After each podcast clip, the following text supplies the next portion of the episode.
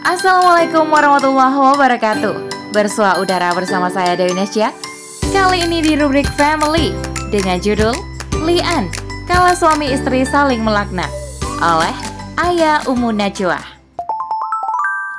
Dan mereka yang menuduh istrinya berzina Sedangkan mereka tidak memiliki saksi selain diri mereka sendiri Maka persaksiannya ialah empat kali bersumpah dengan nama Allah Yang mengucapkan Sesungguhnya dia adalah termasuk orang-orang yang benar.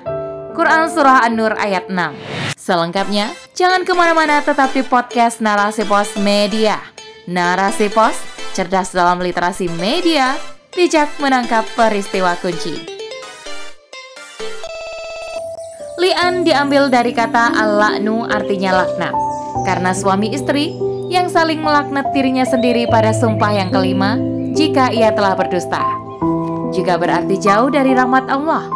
Disebut demikian karena dua orang yang melakukan li'an akan mengakibatkan dosa dan jauh dari rahmat Allah. Jika salah satu dari keduanya berdusta, maka ia menjadi seorang mal'un, artinya yang dilaknat atau dikutuk. Disebutkan dalam ensiklopedia Islam, li'an adalah istilah fikih yang berarti kesaksian atau sumpah yang diucapkan seorang suami yang menuduh istrinya telah berbuat zina. Arti li'an menurut istilah syara ialah sesuatu ungkapan tertentu yang dijadikan alasan oleh seseorang yang terpaksa menuduh karena tempat tidurnya dikotori dan akan mendatangkan malu padanya.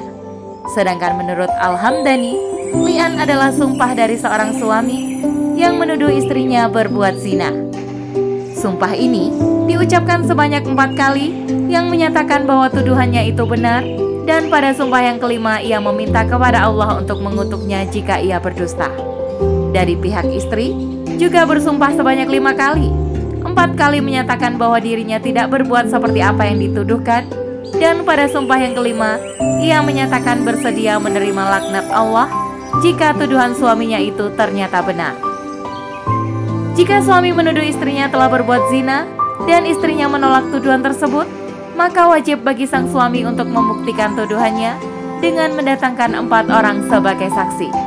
Apabila dia tidak mampu membuktikan tuduhannya dengan empat orang saksi tersebut, maka ia diancam dengan hukuman cambuk 80 kali karena telah tega melontarkan tuduhan zina alias kozab kepada istrinya tanpa bukti. Akan tetapi, dalam Islam ada jalan keluar untuk menghindari hukuman cambuk tersebut yaitu melalui upaya li'an atau saling melaknat sebagai pengganti kozab atau tuduhan bohong. Dari pihak istri pun demikian. Untuk menghindari ancaman hukuman rajam, yakni hukuman bagi pezina yang telah menikah, maka dibenarkan melakukan upaya li'an sebagai pengganti bukti atas penolakan dan sanggahannya terhadap tuduhan zina oleh suaminya.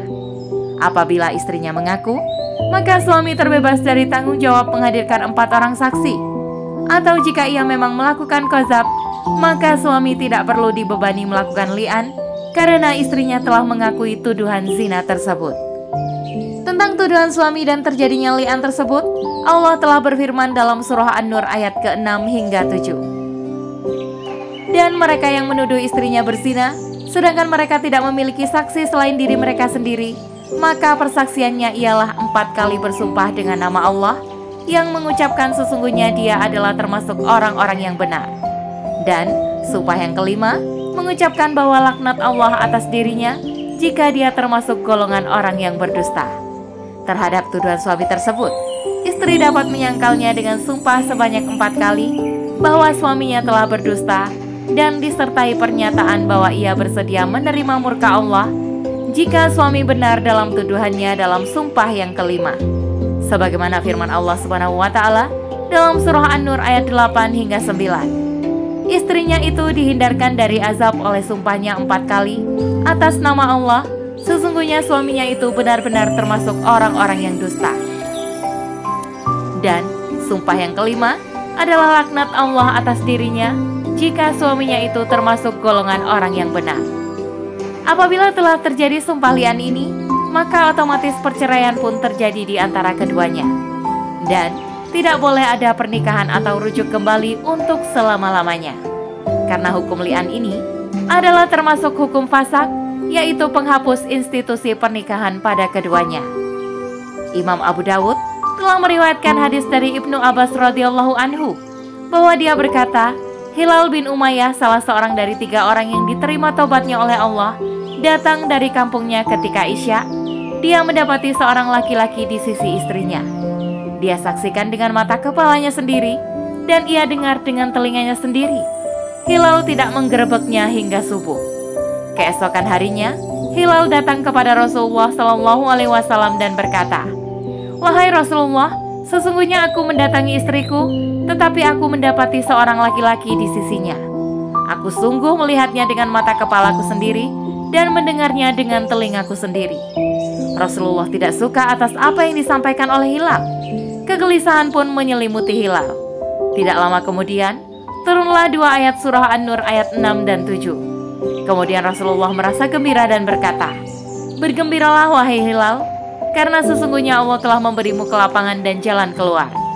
Hilal berkata, Aku memang mengharapkan hal itu dari Tuhanku yang maha suci lagi maha tinggi. Rasulullah kemudian bersabda, Utuslah seseorang kepada istrinya, maka dikirimkanlah utusan kepada istrinya. Rasulullah lantas membacakan kepada istri Hilal ayat yang baru diterimanya seraya mengingatkan keduanya, sekaligus memberitahu mereka bahwa azab akhirat lebih pedih ketimbang azab dunia. Hilal kemudian berkata, Demi Allah, aku berkata benar mengenai dirinya. Istrinya berkata, dia berdusta. Maka Rasulullah bersabda, saling melaknatlah di antara kalian berdua. Al-Jurwaji mengatakan beberapa hikmah yang terkandung dalam sumpah lian, yaitu fungsi suami istri tidak akan sempurna melainkan adanya rasa saling menyayangi.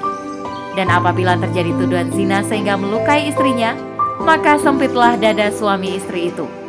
Dengan demikian, akan hilang kepercayaan di antara mereka dan mereka akan hidup dalam kebencian yang akan berakibat pada keburukan. Kemudian selanjutnya, lian seharusnya menjadi peringatan kepada para pasangan suami istri agar tidak melakukan perbuatan maksiat yang akan menghilangkan kemuliaan mereka sebagai suami istri dalam rumah tangga dan senantiasa menjaga kehormatannya. Allahu a'lam bisawab. Demikian rubrik family kali ini. Sampai bertemu di rubrik family selanjutnya. Saya Dewi Nasjak undur diri. Assalamualaikum warahmatullahi wabarakatuh.